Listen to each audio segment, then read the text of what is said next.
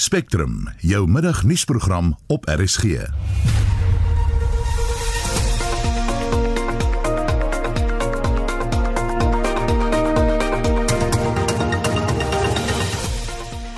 In 'n vandag se program ewige reaksie na die moord op 'n boer wat voorheen in 'n plaasaanval verlam is. Gerda Steyn laat spat 'n 25 jaar oue maratonrekord. Ek dink sy merk al die blokkies reg af en ek dink sy moet net voortgaan met haar program en ek is seker sy gaan op 'n topvorm in Tokio aankom vir die vir die Olimpiese maraton. Die jongste van die staatskapingskommissie af en vandag presies 60 jaar gelede het 'n rus die eerste mens geword wat 'n suksesvolle rit na die ruimte onderneem het. Welkom by Spectrum, die span is Wessel Pretoria, Evert Snyman en ek is Susan Paxton. So by kan 6 minute oor 12 jy luister na Spectrum. Plaaswerkers in KwaZulu-Natal vertrou nie die plaaslike regering nie. Dis die boodskap wat aan die premier van KwaZulu-Natal, Zihle Zikalala, oorgedra is deur plaaswerkers in Newcastle. Die premier het die afgelope naweek die Normadien gemeenskap besoek weens toenemende spanning tussen plaaswerkers en boere. Vlede jare se provinsiale taakspan saamgestel na 'n plaasmoord in die gebied. Zikalala sê die kwessie is baie kompleks.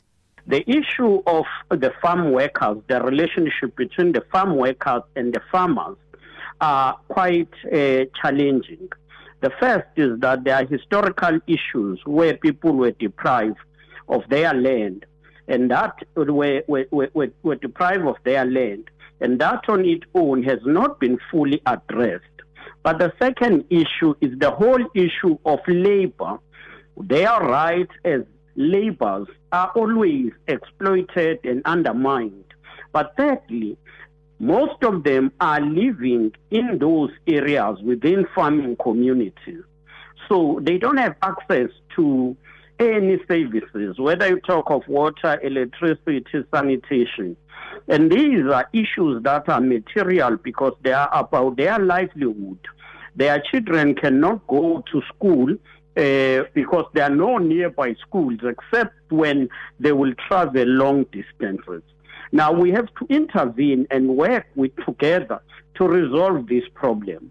Zigalala beskuldig ook boere daarvan dat hulle nie wil saamwerk nie. The main challenge is that also the farmers on the other hand do not want to cooperate in some areas and listen to these uh, issues in a manner that will help resolve them. But what is worse is that in some cases, you get challenges where the farmers will impound the livestock of the farm dwellers. And you will find that those families were dependent, would have depended on that uh, uh, livestock, and then they will be impounded and they will not be able to get them back. There is one case which is now coming from Constitutional Court where one family have lost hmm. all their belongings, their livestock and everything. Zigelala sê daar is 'n manier om die kwessie op te los. But the short-term solution is for us as government to see that we intervene and provide immediate needs such as water and all of that, but also get the, the Department of Labor involved to regulate the working environment so that those who are working will not feel exploited and they will be paid at least the minimum wage. Then we must look on a long term solution, which is about reconciliation, which is about dealing with the issue of land tenure.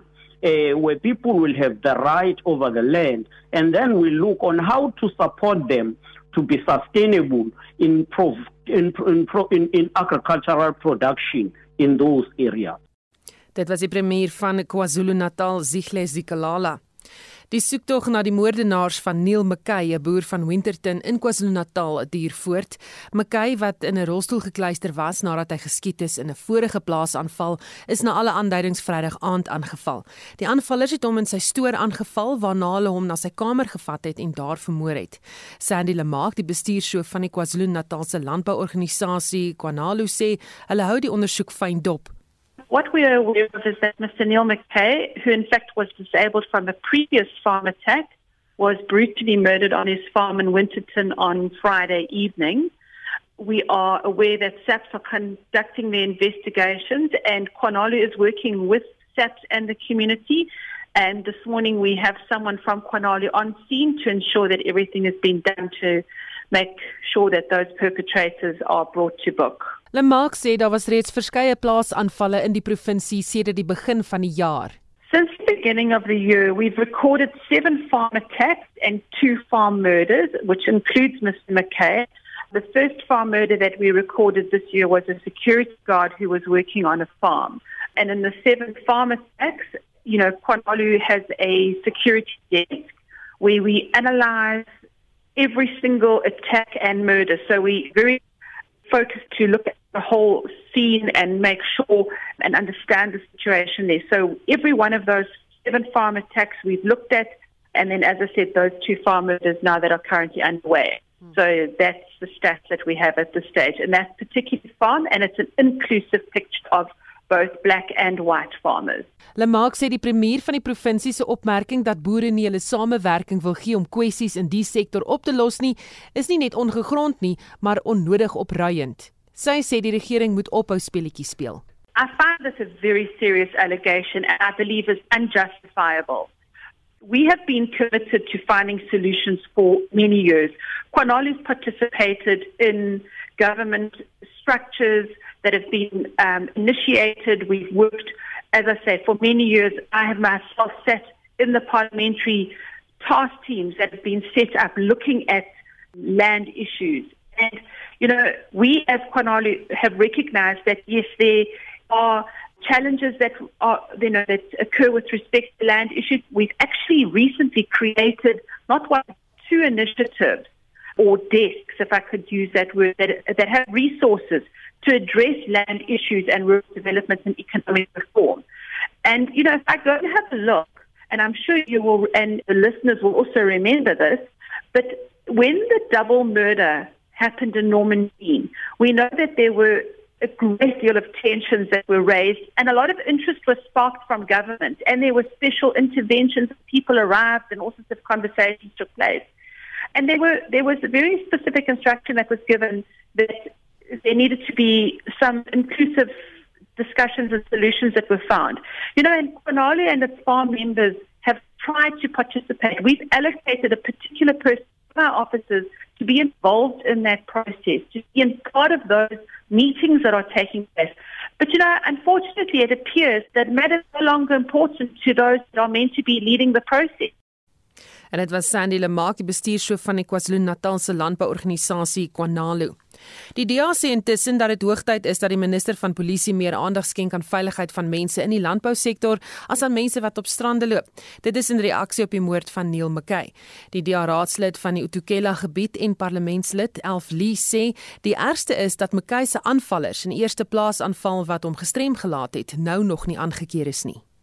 This Neil McKay who was killed on Saturday night. His case from 20 odd years ago, where he was shot, has never been closed or never been solved. Now, over 20 years, and the people involved have never been convicted. And over the weekend, I had two other phone calls from people in my constituency to remind me about similar cases. There was Neil Morrison was killed in 2014 he was murdered in his home in Escort in KZN. So at seven years ago, that case, there's been no convictions. The headmaster of the Drakensberg Boys Choir School was attacked at the school about two years ago. That case has never been solved. And so, if you really start looking at all these unsolved cases, there are thousands and thousands of them. And yet, there seems to be no urgency. The urgency is with other issues. Of course, the main urgency should be vaccinating our people. That's not happening. For the last two days, I don't think a single person was vaccinated. That's just an indication of the incompetence of our government. Lee sê alle Suid-Afrikaners loop deur onder die misdaad en steeds doen die regering niks. It obviously is a completely horrific and, and unacceptable event to have taken place anywhere. But it seems to us that these kind of attacks, these vicious, vicious attacks and murders, are taking place in rural communities, both black South Africans and white South Africans. And yet, the Minister of Police doesn't seem to see it as a priority. He really has not put the kind of resources towards investigating and and taking these criminals off the streets. So they carry on, no doubt, and repeat, repeat, repeat.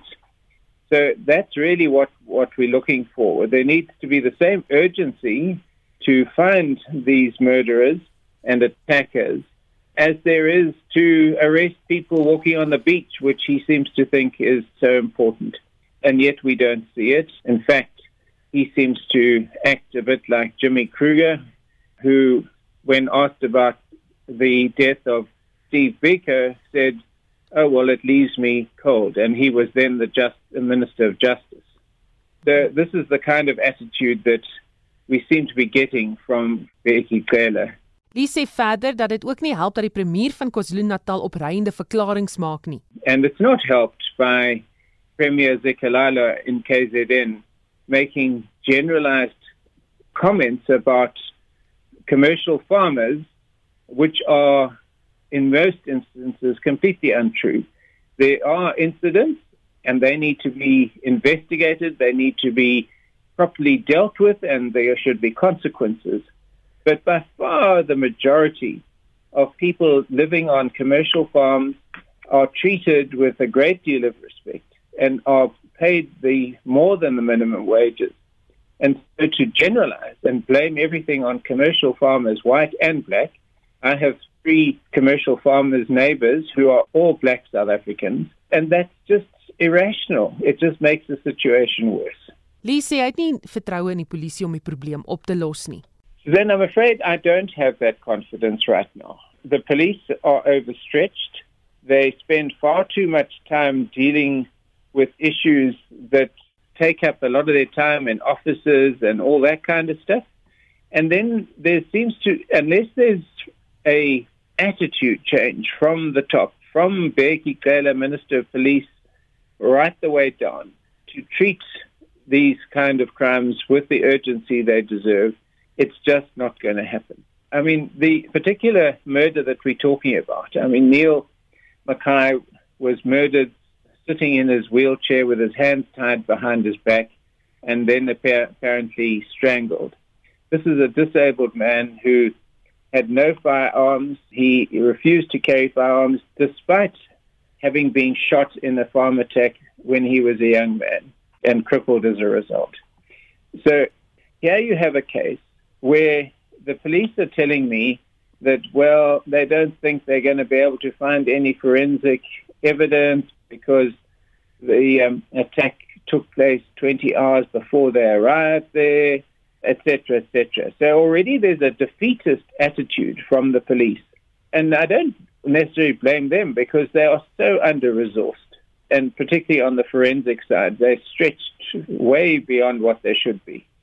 But nevertheless, that's an issue that could be fixed if the government of the day felt the urgency.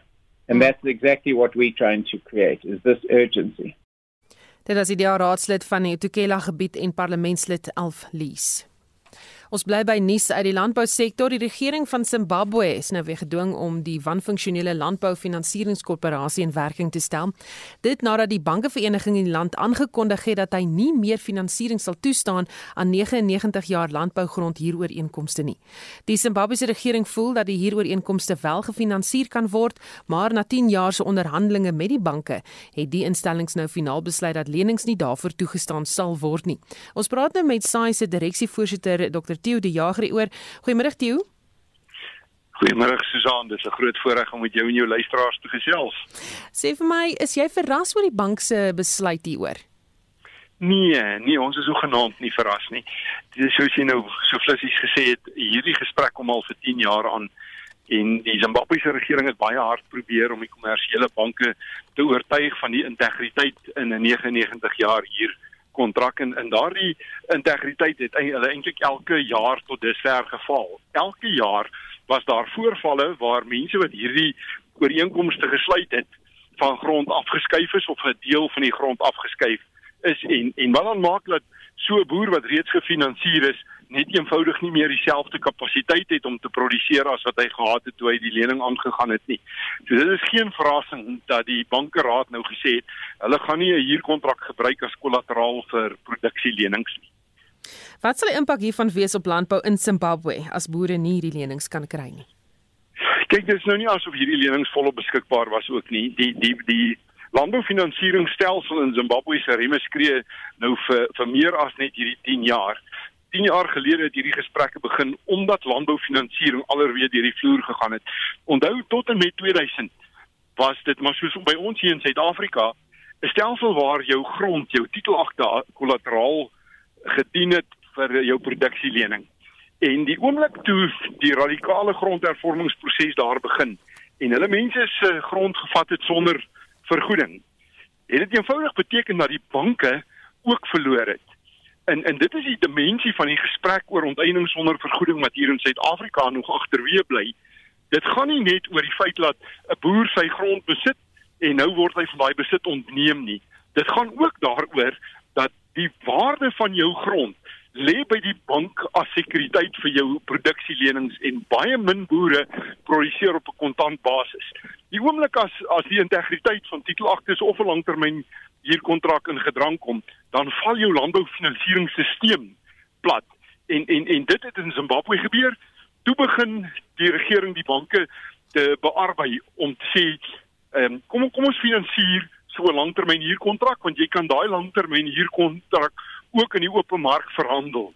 Maar as gevolg van die feit dat die banke die eienaar, die verhuurder nie vertrou nie, werk daardie stelsel nie. Daar is lande waar dit wel werk, soos byvoorbeeld in Duitsland, is dit baie algemeen dat staatsgrond wat uitvuur word aan boere kollateraal staan vir hulle produksielenings. Moet ander lande hieruit leer? O ja, verseker. En Suid-Afrika is die heel eerste wat hieruit moet leer.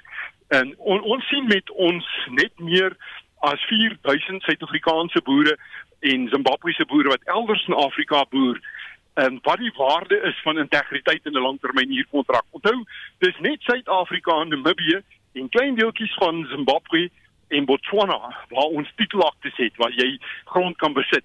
Elders in Afrika word grond nie deur boere besit nie, hulle hulle leen dit. Maar die Tunisiese boere, die Egiptiese boere en en en selfs in Kenia is daar banke wat hierdie langtermyn huurkontrakte finansier omdat hulle oor 'n baie lang tyd bewys het dat as jy so hier kontrak het, het jy verblyfregsekerheid. Jy gaan nie sommer net oor 'n politieke rede afgesit word nie. Baie dankie. Dit was die landbeorganisasie SAI se direksievoorsitter Dr. Theo De Jager. Die groep vir ekonomiese geregtigheid en menswaardigheid in Pietermaritzburg sê geen vordering word in die land gemaak om voedselsekerheid te verseker nie. Die groep se programkoördineerder, Mervin Abrams, het aan Marlenae Forsie gesê, die stygings in die koste van elektrisiteit en brandstof gaan die probleem vererger omdat die koste van voedselproduksie nou gaan styg. Ons kan verwag dat in die volgende 2 of 3 maande uh, ons 'n veel hoër stygings in die voedmans voedmandjie sal sien Maar in die maand van Maart het ons gesien dat 43 kosse wat arme mense probeer om te koop op 'n maandelike manier staan op R4039.56.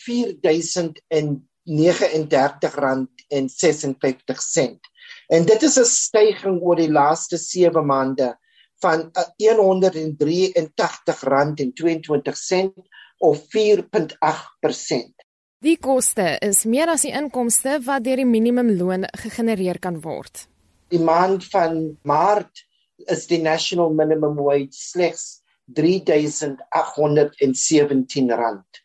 En en so ons kan sien byvoorbeeld dat daar nie genoeg geld op hierdie oomblik is voordat al die stygings van die petrolpryse en die elektrisiteitsprys op hierdie stadium kan huishoudings nie genoeg kos bekostig nie. Hy sê dit kom voor of veral die land se beleidsmakers nie die erns van die kwessie begryp nie. Kinders wat honger is, kan nie leer nie en diegene wat ondervoed is, kan nie druk op die gesondheidstelsel verhoog. Een van die belangrikste ding wat die regering kan doen is om te sien dat die ouderdomspensioen en die kindertoelaag gestyg word elke jaar op dieselfde manier wat kospryse styg. So as ons sien dat kospryse die laaste 7 maande gestyg met 4.8%. Maar as ons kyk na die ouderdomspensioen, dit het slegs gestyg met 1.6% en die kindertoelaas slegs met 2.2%. So al die families wat lewe op die ouderdomspensioen of die kindertoelaas sal minder kos moet kostig hierdie jaar as wat hulle vir hierdie jaar bekostig het en dit is al voordat die elektrisiteit en die petrolprysstygings sal impak maak op kospryse. Intussen versleg die probleem daagliks. Dit is frustrerend. Ons maak geen progress nie. As ons kyk byvoorbeeld oor die laaste 20 jaar, sal ons sien die situasie het slegs vererger. Die oorsaak daarvan is eintlik ekonomies. Dit eintlik beteken dat ons ons uh, die inkomste in die huise of dit kom van van lone of dit kom van toela dat daar die inkomste in die huise is te min. Dit was die programkoördineerder van die groep vir ekonomiese geregtigheid en menswaardigheid in Pietermaritzburg, Mervin Abrams. Marlene Forsie is nuus. Die departement van korrektiewe dienste sê hy gaan die mense wat 'n TikTok video gemaak het wat wys hoe gevangenes 'n bewaarder aanval vervolg. Dit nadat die video op die sosiale media platform TikTok versprei is wat wys hoe drie mense in oranje oorpakke van die departement 'n man aanval wat as 'n bewaarder aangetrek is. Die woordvoerder van die departement, Sikambaglu Numalo sê na deeglike ondersoek is bevind dat die video nie in een van sy fasiliteite gemaak is nie. We had to check when it surfaced because we uh, received a number of calls, people saying what's happening here. And upon closer scrutiny, we could pick it up that no, this is all an act. And we had to identify, you know, the people there. So uh, we succeeded in doing that. Hence, we had then to open a case with the SAPS because what they are doing uh, contravenes uh, Section 124 and 125 of the Correctional Services Act, which makes it clear that any person or like unauthorized person who wears or uses departmental uniform uh, or anything deceptively resembling it is um, uh, upon conviction uh, guilty to a fine or a prison term. So hence we had to open a, a, you know a case against them. Mense se reg tot vryheid van spraak maak daarvoor voorsiening dat jy kan dra wat jy wil. Maar normale verduidelik in die geval is dit anders. I know we're trying to constrain or limit creative artists, but we're saying there are processes in place where we've even gone out to engage with creative artists to say, come to us, let's work together. What is it that you want to do? And then we'll support that, uh, provided that it's in line with our mandate. And we'll even give you, you know, additional support in doing that. Uh, some of them we've even uh, we've even allowed them access to some of our centers. Some we've even given them the actual offender uniform and official uniform because their work does respond to the mandate of corrections in this country. But where we differ, we say then the act is clear to say whatever data use must not deceptively, you know, uh, try to um, uh, create an impression as if, you know, this is offender uniform, official uniform. It must be clear that it is not offender uniform, it's not official uniform because once it's so distinctively clear, then it causes confusion and unfortunately does hurt our image. Nomalo sê die wet oor die dra van die spesifieke klere is baie duidelik en om bedrog of misdaad te voorkom. It's not allowed. The act is very clear because um uh, imagine what now the, even the the police are going through where let's say you are driving on on you know on on the highway and you get stopped by people flashing you know blue lights wearing uh, what distinctively look like police uniform, and then only to realize that you know what these are just thugs, you know, taking advantage of you. That's precisely the point why such is not allowed. Even with our cases, correctional services, hence we've supported people who are, are you know involved, who are in the space, who say we're working on this particular project. Please assist us. Uh, hence, we've been, you know giving them authentic offender uniform, official uniform, and say, okay, let us even go to an extent of giving you you know, a, a, you know additional insight where we'll make some of our space available to them to assist and guide them. We fully understand that with creative artists, you know, they can be dramatic, but you know, all of it must be well guided. Hence, I said we don't intend to, you know, to, to, constrain them to say no, no, no, you cannot do this. If one is saying, look, I want you to pick this particular reality, but then at the end of the day, there is, uh, you know, a, a, correctional message that we want to send out. You know, we do, you know, you know, you know, we, we support such. Hence, we said there are processes in place where an approval can be given by the national commissioner. En dit was die woordvoerder van die departement van korrektiewe dienste, Singabaku Nomalo. Spectrum, jou middagnuusprogram op RSG.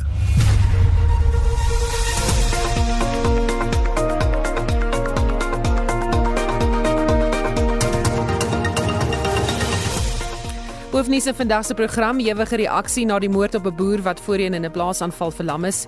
Gerda Stein laat spat 'n 25 jaar oue maratonrekord. Ek dink sy merk al die blokkies reg af en ek dink sy moet net voortgaan met haar program en ek is seker sy gaan op 'n uh, topvorm in Tokio aankom vir die vir die Olimpiese maraton.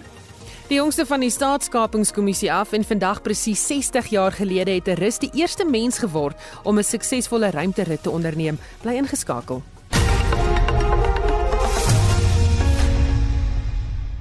In die 13de April se RSG Kuns kuier ons saam met twee vroue. Die een is 'n stem uit die verlede, die stem van Monica Breed, en die ander een is 'n Steinway pianis, Jill Richards. Ons gesels oor wat nuwe musiek is en hoe dit toeganklik gemaak kan word vir gehore.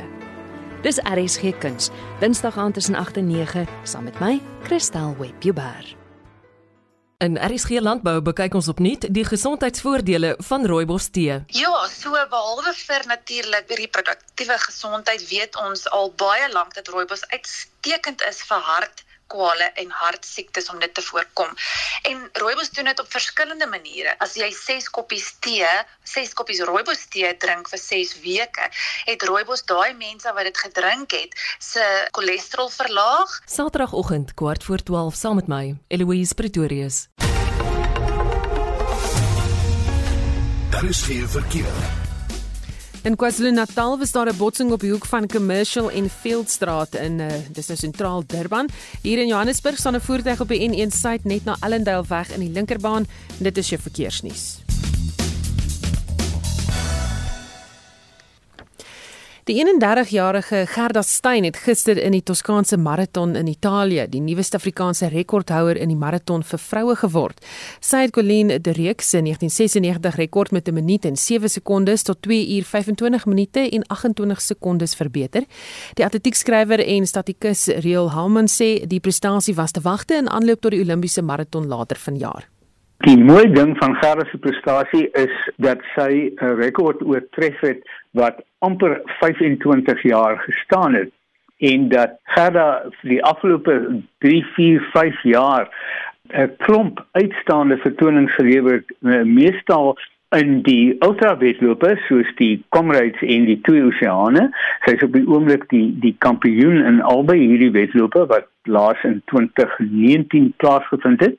Maar sy het ook 'n klompie kere uitstekende maratons gehad soos in New York uh, en verlede jaar in daardie spesiale Londen maraton wat in Oktober plaasgevind het. En daar het sy die SA rekord van Colleen de Ruyck wat in Berlyn opgestel is in 1996 het sy met net 16 sekondes misgeloop in eintlik baie slegte weeromstandighede was koud en gereën en die wind het gewaai nou hierdie afgelope naweek in Italië was die toestande nie veel beter nie. Dit het weer gereën en dit was winderig, maar hierdie keer het Gerda dit reg gekry en ek dink die goeie ding hiervan is dat sy hiermee gewys het wat haar kwaliteit in die maraton is. En ek het die afgelope paar jaar al gesê as sy net die ultra wedlope vir 2 of 3 jaar belos en konsentreer op die maraton kan sy 'n Olimpiese medalje wen. En nou is sy op pad Tokio toe vir die Olimpiese spele en ek dink eerlikwaar sy kan uitstekend daar doen want die Olimpiese maraton is gewoonlik 'n taktiese wedloop. Dit gaan nie net oor spoed nie. En Gerda kan in daardie omstandighede dink ek saam met die top Keniane hardloop wat gewoonlik die wedloop oorheers? Rio mens moet ook noem dat saam met Gerda het Erwet van Sail onder 230 gehardloop. Die eerste keer dat Suid-Afrikaanse vroue dit in een maraton reg kry Dit is reg en ehm um, dit gaan nou erwet die derde keer wees wat sy vir die Olimpiese spele gekies word. Sy het in 2012 nie die wedloop voltooi in Londen nie en in 2016 het sy nadat sy gekies is 'n besering opgedoen en sy kon nie hardloop nie.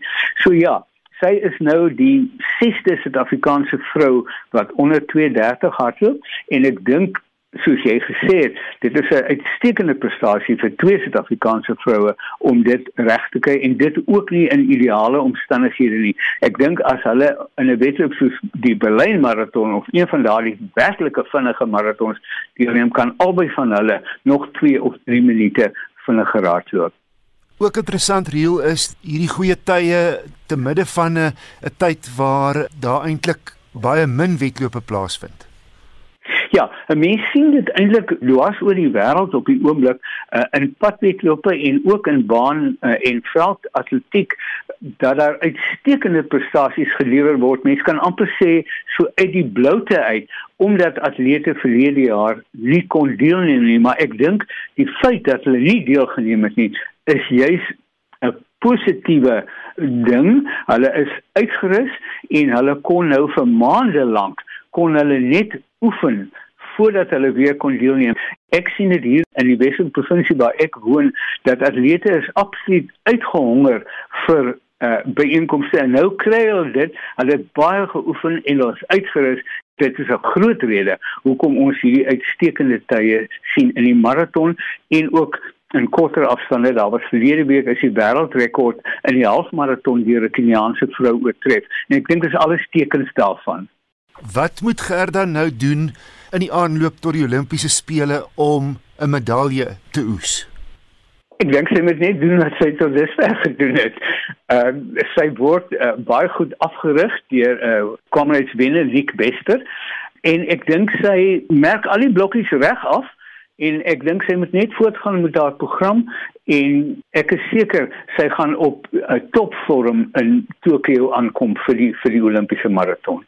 Ek dink die mooi ding van Gerda in 'n wetse vertoning die afgelope naweek is dat uh, Saterdag, die afgelope Saterdag was die 125ste herdenking van die heel eerste Olimpiese maraton in Athene in 1896. So ek dink Gerda het haar naweek baie goed gekies. En dit was die atletiekskrywer en statikus Real Hammond en hy het met Wessel Pretorius gepraat. Mense op sosiale media platform Facebook was behoorlik aan die gons oor 'n aangrypende foto van die NDBV tuinroete in die George gebied. Salome de Bruin, senior inspekteur van die DBV, het 'n foto geplaas van 'n hond genaamd Whisky wat nie sy eienaar wou los nie. Dit nadat sy die DBV genader het om eerder maar vir Whisky te vat omdat sy nie meer kan bekostig om hom kos te gee nie. Die foto's was so aangrypend dat daardie afgelope naweek soveel skenkings ontvang is van die publiek af dat die DBV vir Whisky en nog ander diere in nood sal kan help. En ons praat nou met Salome de Bruin van die DBV. Goeiemôre Salome. Goeiemôre Susan en goeiemôre al die luisteraars. Vertel net vir ons weer wat het gebeur. Ja, ons het Vrydagmiddag ehm um, in die lokasie se naam is Lawaikamp gery want ons het sterilisasies vroeër die dag opgetel. Dit is gery om die sterilisasies te gaan aflaai toe die dame ons gestop en gesê um, dat sy kan nie meer vir hond sorg nie want sy het haar werk verloor weens COVID of ons nie eerder die hond wil invat nie. Maar ja, soos ek gesê het op Facebook, ek kon dit nie doen nie want die hond het dan vasgekleef en 'n mens kon gesien dat die band tussen die hond en die vrou is groot en dat hulle lief is vir mekaar en toe het ek vir gesê, "Nee, weet, weet jy wat dame, jy is lief vir die hond, die hond is lief vir jou. Kom ons kyk hoe ons jou kan help en toe het ek 'n plasing op Facebook gedoen en ek het nie in my wildste drome gedink dat dit so groot ontploffing sou wees nie. Ja, dit is nogal aangrypende foto's. Daar's een foto van waar sy staan met die hond wat haar vashou en uh dit lyk letterlik of die hand, hond haar drukkie gee en dan kan jy sien daar's wasgoedpennetjies wat haar rok vashou en dan weer 'n foto van die hond. Jy weet nadat jy die foto's opgesit het, eh, almal wou net help dit is reg en ek kan verstaan daai foto. Ek meen ek het die foto geneem die en hulle sê foto spreek 'n miljoene woorde en dit is waar. Maar ek het dit myself beleef het en gesien en daai hond het regtig soos 'n graad 1 kind wat moet skool toe gaan aan die tannie gekleef en sy koppie so teen haar gedruk en jy kon sien hy wou nie gaan nie. Dit is asof hy verstaan het, hoorie, maar hier is die spesiale bakkie. Ek gaan nou gaan. En ja, soos ek sê, ekonomie fatty en toe ek dit op Facebook gelaai en ja, die reaksie is enorm. Jy het ook hulp ingesamel vir die eienaar self. Ons het, ons het, ons is besig om vir haar ook hulp te kry en nou het al reeds baie mense donasies gemaak waarvoor ons baie dankbaar is. Ons gaan nou ons nou net die hond op gaan tel vroeër vandag.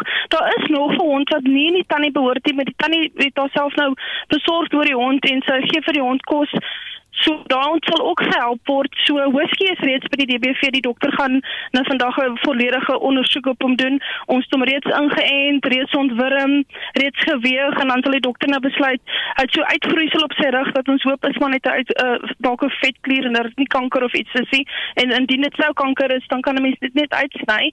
So hy sal al die nodige behandeling kry wat hy nodig het en dan is daar ja, die mense het redelik ehm um, saamgestaan en donasies ingebring en mense wat beloof dat hulle vir die res van sy lewe vir hom sal kos gee. So ja, whisky se se daarvan swaar kry is beslis oor. Dis ook onderneming van jou kant af om seker te maak dat whisky gaan kos hê. Ek gaan van my kant af gaan ek definitief sorg dat hy elke maand al gaan ek twee keer 'n maand die area is nie ver van die DBV af nie sal ek na sy huis toe ry gaan opvolg hoe gaan dit ek het ook my nommer vir die tannie gegee dat sy my ooit kan bel as sy my nodig het en ja, ek sal maandeliks gaan kos aflaai daar. Nou al die skenkings maak dit nou moontlik om vir whisky en nog diere te kan help. So groot was die reaksie. Ja, dit is wat so fantasties is daarvan is soos ek vroeër gesê het, hierdie is een een geval wat ons gepost het. Daar's duisende gevalle gevalle daar buite, nie net in die een area waar ons nou Vrydag was nie. Die nood daar buite is baie groot en wat fantasties is met al die skenkings wat ons gekry het, gaan ons nog honde help, nog sterilisasies doen. Um, ons het kinders wat daagliks na die DBV aangestap kom en kom kos vra en al hierdie skenkings gaan dit nou vir ons moontlik maak om baie baie ander diere te help. So uit van my kant af wil ek regtig uit my diepte, diepte van my hart vir almal almal almal wat die post geshare het en almal wat donasies gemaak het vir hulle bitter baie dankie sê. Baie dankie dit was Salome de Bruin senior inspekteur van die NDBV tuinroete. Geloer gerus op hulle Facebook bladsy vir die aangrypende storie. Dit is nou NDBV of DBV Garden Route. Dan kan jy sien uh, hoe lyk like Whisky die hond. Shaun Jose het 'n oorsig van die jongste sportnuus. Vanmiddag op die cricketveld pak die Proteas en Pakistan mekaar op die Wanderers in Johannesburg in die tweede wedstryd van hulle T20 reeks met die besoekers wat 1-0 voorloop. Die wedstryd begin half 3. En in die IPL reeks het die Rajasthan Royals en Punjab Kings mekaar 4 uur die stryd aan. Die Protea spelers David Miller en Chris Morris is op Rajasthan se boeke vir die seisoen. Op die sokkerveld takel West Brom en Southampton mekaar vanaand 7 uur en Brighton en Hove Albion en Everton mekaar kwart oor 9 in die Engelse Premier Liga. En Sheffield United en Mamelodi Sundowns draf 3 uur in die DStv Premier Liga teen mekaar op die veld uit. Laastens in rugby nuus. Volgens berigte in die media gaan die vier Suid-Afrikaanse franchises, die Bulls, Lions, Sharks en Stormers nie meer aan die Reënboogbeker toernooi wat die 24ste April afskop deelneem nie. Saru is besig met beplanning vir 'n plaaslike franchise kompetisie. En die Franse top 14 klub Montpellier het ook bevestig dat die Suid-Afrikaanse losvoorspeler Jacques Du Plessis se kontrak vroeg beëindig sal word. Die 27-jarige Du Plessis sal waarskynlik weer na sy vorige tuiste Loftus terugkeer wanneer sy kontrak nou aan die einde van die huidige Europese seisoen verstryk. Du Plessis het in 2015 by Montpellier aangesluit en al 101 wedstryde vir hulle gespeel. Shaun Jooste van RSG Sport.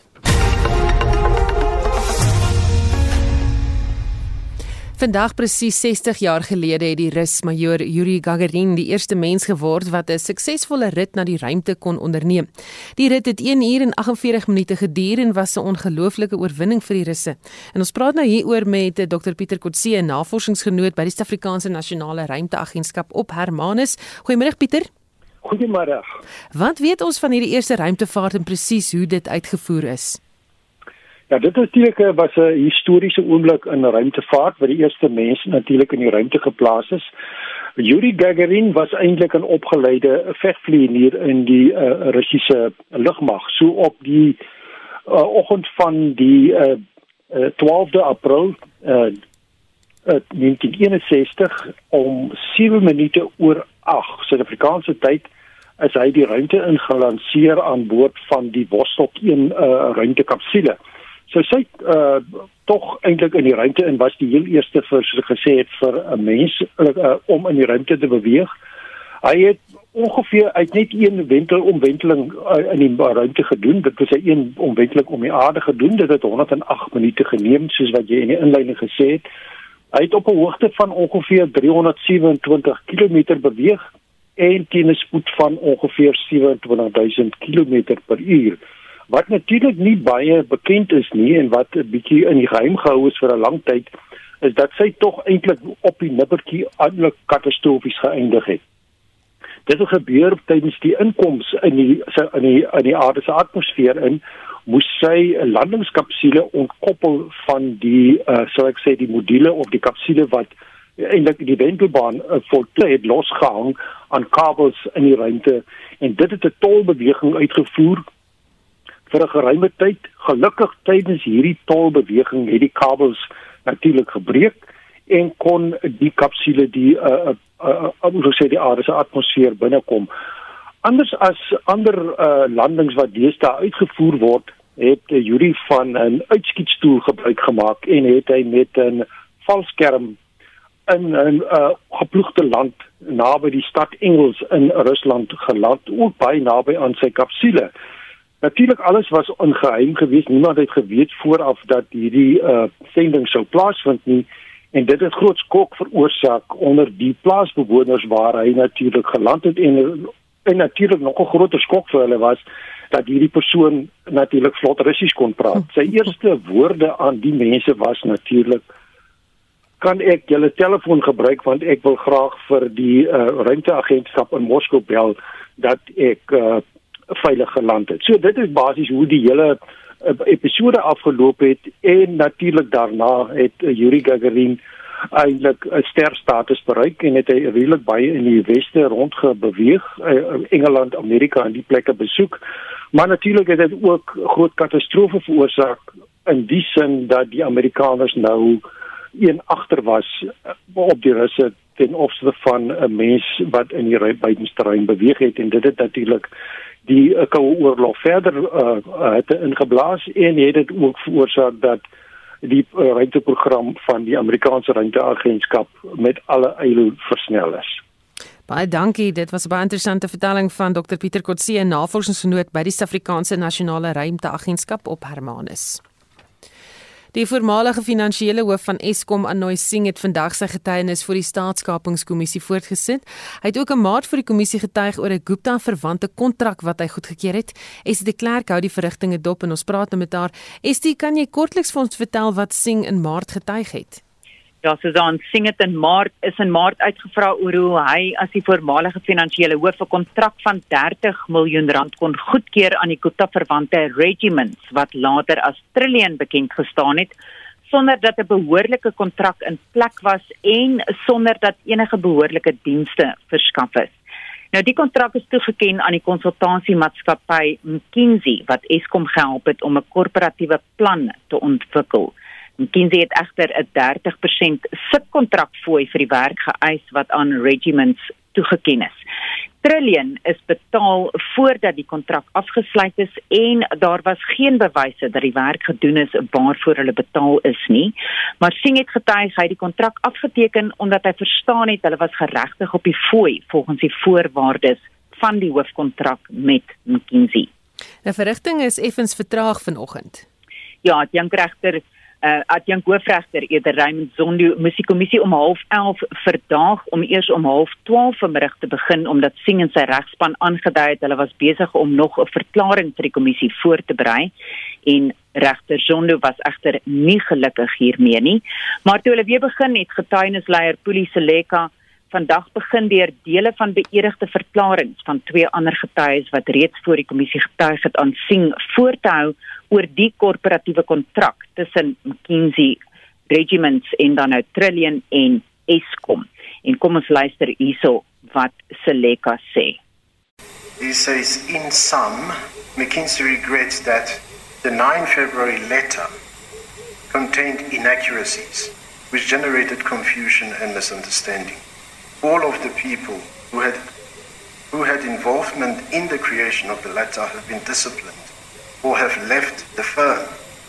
But the notion that the 9 February letter can be taken to confirm that Trillion was actually McKinsey's subcontractor is wrong. This has been thoroughly investigated and cannot be reconciled with contemporaneous information. Such evidence makes clear that Trillion was not McKinsey's subcontractor, was still undergoing the due diligence process, and never became McKinsey's subcontractor. I can read further, but I suppose you you get the point of what the two gentlemen are making in regard to the corporate plan. So what emerges from here is that in respect of the corporate plan, McKinsey was not, I mean, Trillion was not just not, but never McKinsey's subcontractor in respect of the corporate plan. Or you can even address it in respect of the MSA, which is the turnaround program, in respect of which they also, or he also says, Mc, uh, Trillion was never the subcontractor to McKinsey because of failing to pass the test on the due diligence. Hierop het Singh egter geantwoord hy het nie die spesifieke dele van die verklaringe van die kommissie se regspan ontvang waaroor hy uitgevra word nie waarop advokaat Seleka gesê het Singh het toegang tot die getuienis van die twee getuies sedert hy voor die kommissie getuig. Singh het egter volgehou hy sou graag tog volle toegang tot die verklaringe wou hê. If it was as significant as what we are now saying, my question notwithstanding the fact that it did not implicate. We should have given, been given the, the opportunity to have commented on it in its entirety. Well, uh, but I'm told you said it doesn't implicate you. On the redacted version. Yes. Not but on this one, as I understand it, which is not redacted, was part of the one that was given to you a long time ago. Yes, Mr. Chair, but the comment around not being implicated relates to the Okay, no, no, no. I understand that, yes. And the similar point I have with Mr. Amankua. Yes. Yes. Yes, it is now forming part of the bundle. We have access to it because yes. Mr. Selek has, yes. has given it to us. Yes. But again, if we were placing such reliance on this document, mm. as we are now doing, mm. then I would have at least expected that this would have been provided to us for us to, to provide an appropriate affidavit. Sings getuienis voor die kommissie duur nog steeds voort. En dit was Esther Clerk wat vandag vir ons die verrigtinge by die staatskapingskommissie dopgehou het. Nou is amper 5 voor 1 die sake nuus word aangebied deur Netjie van der Merwe, die portefeuljebestuurder by Netbank Korporatiewe Beleggings. Goeiemiddag Netjie. Goeiemiddag Susan en luisteraars. Markte skop die week effens so swakker af. As ons kyk na Asië, sien ons die Hong Kong Hang Seng verswak met 0,9%. Die Japaneese Nikkei is laer met 0,8% en die Australiese ASX 200 is af met 0,3%. In Europa verhandel die Britse FTSE 100 swakker met 0,3%, die Franse CAC 40 is hoër met 0,1%, sowel as die Duitse DAX is op met 0,1%. Plaaslik verhandel ons algehele indeks laer met 0,8% teen 66642 punte. Die finansiële indeks is hoër met 0,4% die nywerheidsindeks verswak 0,9% en die Hulberne indeks is af met 1,4%. As ons kyk na kommoditeitspryse, goud verswak 0,2% en verhandel teen 1741 dollar per fyn ons. Platinum verswak 1,2% en verhandel teen 1190 dollar per fyn ons. En Brent olie versterk 1,3% en verhandel teen 63 dollar en 78 sent per vat. Dan die wisselkoerse, 'n dollar verhandel teen R14.62, 'n pond verhandel teen R20.11 en 'n euro verhandel teen R17.41. Laastens rentekoerse, die R186 staatsefek is onveranderd en verhandel teen 'n opbrengs van 7,42%. Baie dankie, dit is die einde van die sake nuus. En die sake nuus is aangebied deur Netjie van der Merwe, die portefeuljebestuurder by Netbank Korporatiewe Beleggings. En uh, voordat ons groet net weer vandag se hoofnuus en stories wat nog ontwikkel Marlenae. Ja, so ons as ek nou hier in die ateljee ingestap het, sien ek op die TV, ehm um, daar is probleme in Robbie Ridge tussen Midrand en Johannesburg omgewing. Soos wat ons verstaan, was daar gemeenskapslede daar wat hy so privaat eiendom probeer oprig het. Ehm um, die polisie het gereageer deur op betogers te skiet met rubberkoels. Dis beslis iets wat ons dophou. En dan vroeg die program het die direksievoorsitter van SAITU, die jager gesê hy is nie verras deur Zimbabwe se besluit dat hy nie meer finansiering sal toestaan aan 99 jaar landbougrond hier ooreenkomste nie. Hy sê Suid-Afrika kan egter baie leer uit die situasie. Dis net Suid-Afrika en Namibië en klein deeltjies van Zimbabwe en Botswana waar ons titelakte het waar jy grond kan besit. Elders in Afrika word grond nie deur boere besit nie, hulle leen dit. Maar die Tunisiese boere, die Egiptiese boere en selfs in Kenia is daar banke wat hierdie langtermyn huurkontrakte finansier omdat hulle oor 'n baie lang tyd bewys het dat as jy so 'n huurkontrak het, het jy verblyfregsekerheid. Jy gaan nie sommer net oor 'n politieke rede afgesit word nie. Intussen hierdie soektog na die moordenaars van Neil McKay van Winterton in KwaZulu-Natal voort. Hy is twee dekades terug verlam gelaat na 'n ander plaasaanval en die DA raadslid Afli sê die ergste is dat sy eerste aanvallers steeds gesoek word.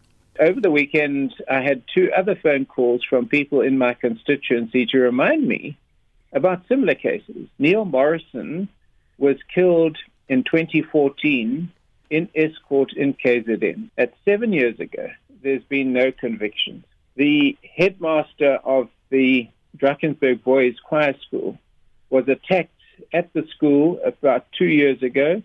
That case has never been solved. There are thousands and thousands of them. Yet there seems to be no urgency. Beslis iets wat ons dop hou en dan wat die kommissie van ondersoek na staatskaping betref, beweer die voormalige finansiële hoof van Eskom, Anders Singh, hy het nie spesifieke dele van die verklaringe van die kommissie ontvang waar hy uitgevra word nie en sy getuienis stuur voort. En dit was Marlenae Forsie met daardie opsomming van nuusgebeure vandag. Onthou vorige uitsendings van Monitor en Spectrum is op RC se webblad, daar's 'n potgooi beskikbaar asook naweek aktueel en kommentaar gaan net na www.rsg.co.za klik op potgooi en dan soek jy die programme onder die datum wat jy soek. Ons groet die redakteur en waarnemende uitvoerende regisseur is Wesop Pretorius, ons tegniese regisseur is Evert Snyman, my naam is Susan Paxton. Geniet jou middag.